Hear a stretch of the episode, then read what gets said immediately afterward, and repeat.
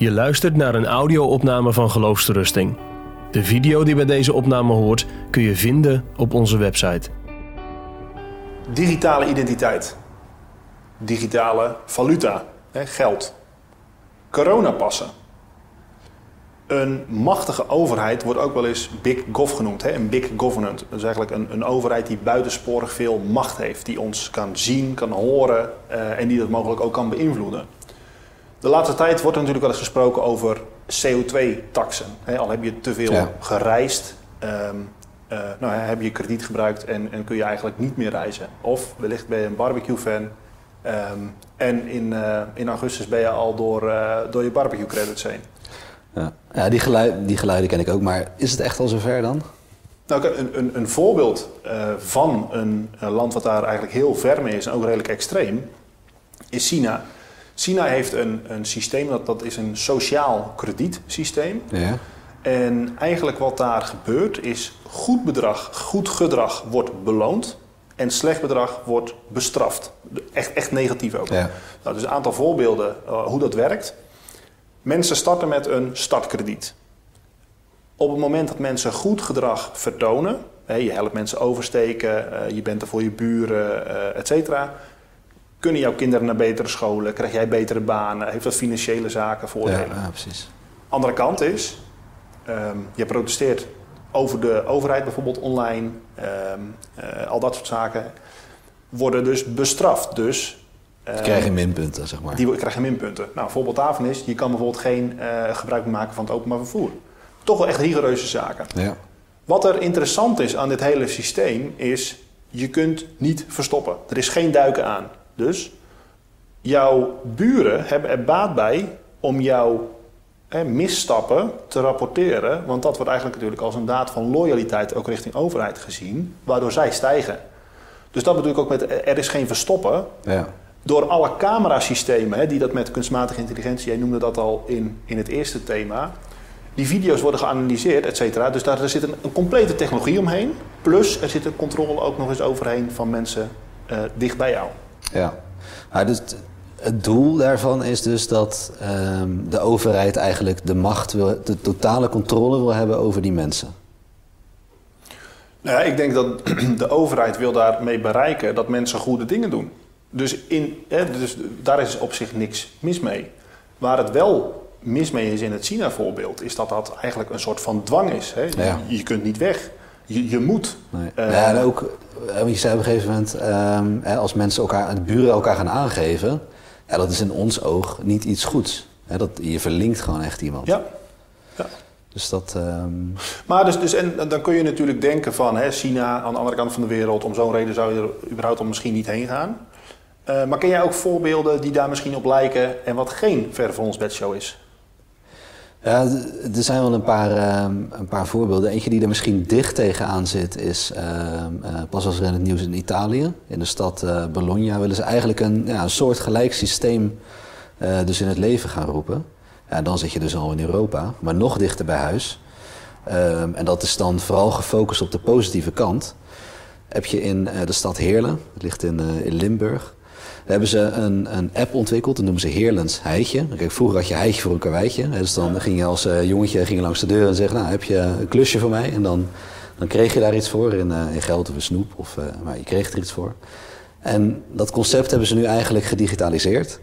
Ehm, en dus als je daar do- door die stad loopt, het is best wel een, een stad die wat, wat ja, achterges- ja, achtergesteld klinkt heel negatief, maar hè, wat gewoon nog wat onderhoud, onderhoud nodig heeft. Die is een hele rijke stad. Ehm, en als je natuurlijk daar woont, in die buurt, en je ziet daar een bankje staan wat helemaal is afgeblad, dan denk je, ja, ik, ik wil gewoon graag dat het bankje er netjes uitziet. Ehm, nou, dan kun je dat doen en dan krijg je daar dus een heitje voor en dan krijg je daar credits voor. En die kun je dus weer gebruiken bij eh, lokale winkeliers eh, om weer producten te kopen. Dat is best wel gewoon een positief iets.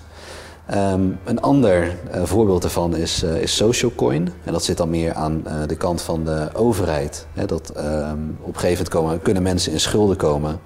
ehm, daar zelf niet meer uitkomen en dan gaan ze in de schuldsanering. Maar dat kunnen ze dus versnellen om eruit te komen door dus goede dingen te doen. Het lijkt een beetje op Heerlijks Heitje. Dus je- je doet iemand zijn tuintje of je helpt een oude vrouw met boodschappen doen. Ehm, dan krijg je daar credits voor. En die worden weer in mindering gebracht op jouw schuld bij de overheid. En dat zijn, vind ik, hele positieve voorbeelden. Je stimuleert echt dat mensen, ehm, en dat is zeker bij Socialcoin, ehm, je geeft mensen een soort extra mogelijkheid. Je haalt ze uit de sociale isolatie. En dat vind ik echt goede initiatieven. Maar aan de andere kant, en als ik dan even denk over wat je mij net vertelde over China, denk ik ja, als je dan eh, het een verplichting maakt. Hè, en mensen doen dat dus niet, dan zit daar dus ook een, een straf aan. Ja, en dan gaat het dus echt wel, eh, denk ik, echt wel de verkeerde kant op. En, en, eh, vaak in dit soort concepten zit natuurlijk ook, ehm, we hadden het daar iets eerder volgens mij ook al over, de verplichting dat je bepaalde hè, tegoeden alleen voor bepaalde doelen kunt gebruiken. Ja. Kun je daar eens iets meer over vertellen? Eh, ja, eh, pas was er in het nieuws, dat is al even geleden, eh, GroenLinks. Die wilde eh, een x-bedrag, volgens mij 10.000 euro, beschikbaar stellen aan elke student. Ja. Zodat ze daar een, een studie mee kunnen doen of een eigen bedrijfje mee starten. Maar het was ook wel de discussie in de Tweede Kamer. Ja, dat geld wordt gewoon niet daaraan besteed. Hè. Dat, we- dat weten we bijna zeker, dat niet al dat geld goed terechtkomt. En hè, nu zijn er technologieën, zoals bijvoorbeeld blockchain-technologie, die het mogelijk maakt om, om geld te labelen. Dus je kan zeggen van dat geld wat je van de overheid krijgt, eh, mag je alleen maar besteden aan onderwijs. Ehm, en ik kan me best wel voorstellen dat mensen denken, nou, maar dat is een goed idee. Hè? Geld wordt goed besteed. Ja. ja. En hoe kijk jij er dan tegenaan als je zegt van oké, als we dat dan even vertalen naar, eh, eh, de, als we daar een negatieve kant aan hangen, hoe zou dat er dan uitzien? Ja, dus voor mij valt dat wel onder de, onder de zeg maar, grotere paraplu met eh, alles is op een gegeven moment aan elkaar gekoppeld. Hè? Identiteit, eh, uitgaven, zorgverzekeringen, et cetera. Ehm, wat ik daar op een gegeven moment op tegen heb, is dat, dat mensen ehm, daar niet zelf een keuze in maken. Hè? Dus, dus op het moment dat je dan niet met het systeem mee wilt doen, dan kun je eigenlijk ook onderhevig zijn aan uitsluiting. En ik denk Ja. dat dat een heel gevaarlijk punt is. Dus hè, dwang, uitsluiting, eh, recht van privacy, dat zijn voor mij wel allemaal zaken die, als het vrijblijvend is, zoals heerlijk, kijk, er is niks mis mee om ehm, goede daden te belonen. Nee. Maar hoe vrijblijvend blijft het? Of is het vanaf eh, 2025, we verwachten dat iedereen twee keer per jaar iets in deze trant doet en je krijgt daar iets voor en dat kun je alleen hier besteden. Ja. Nou, dat vind ik wel gevaarlijk. Hè? Dus dan heb je dan over een totalitaire staat, hè, over een controlemaatschappij. Dan heb je het daadwerkelijk over dat de politiek en lokale besturen... die zijn dan echt aan het beïnvloeden wat mensen aan het doen zijn op deze manier. En ik denk Ja. dat we daar erg waakzaam op moeten zijn. Ja. En als, als we dan de Bijbel erbij pakken, hè, wat je in dit verband natuurlijk ook vaak hoort, is, eh, is openbaring 13. Ja, Ehm, ja, misschien kunnen we het gewoon even Ja, lezen. dan kan even erbij pakken. Ehm, en misschien kunnen we daar in, in, ja, in deze context eh, ook wat over zeggen.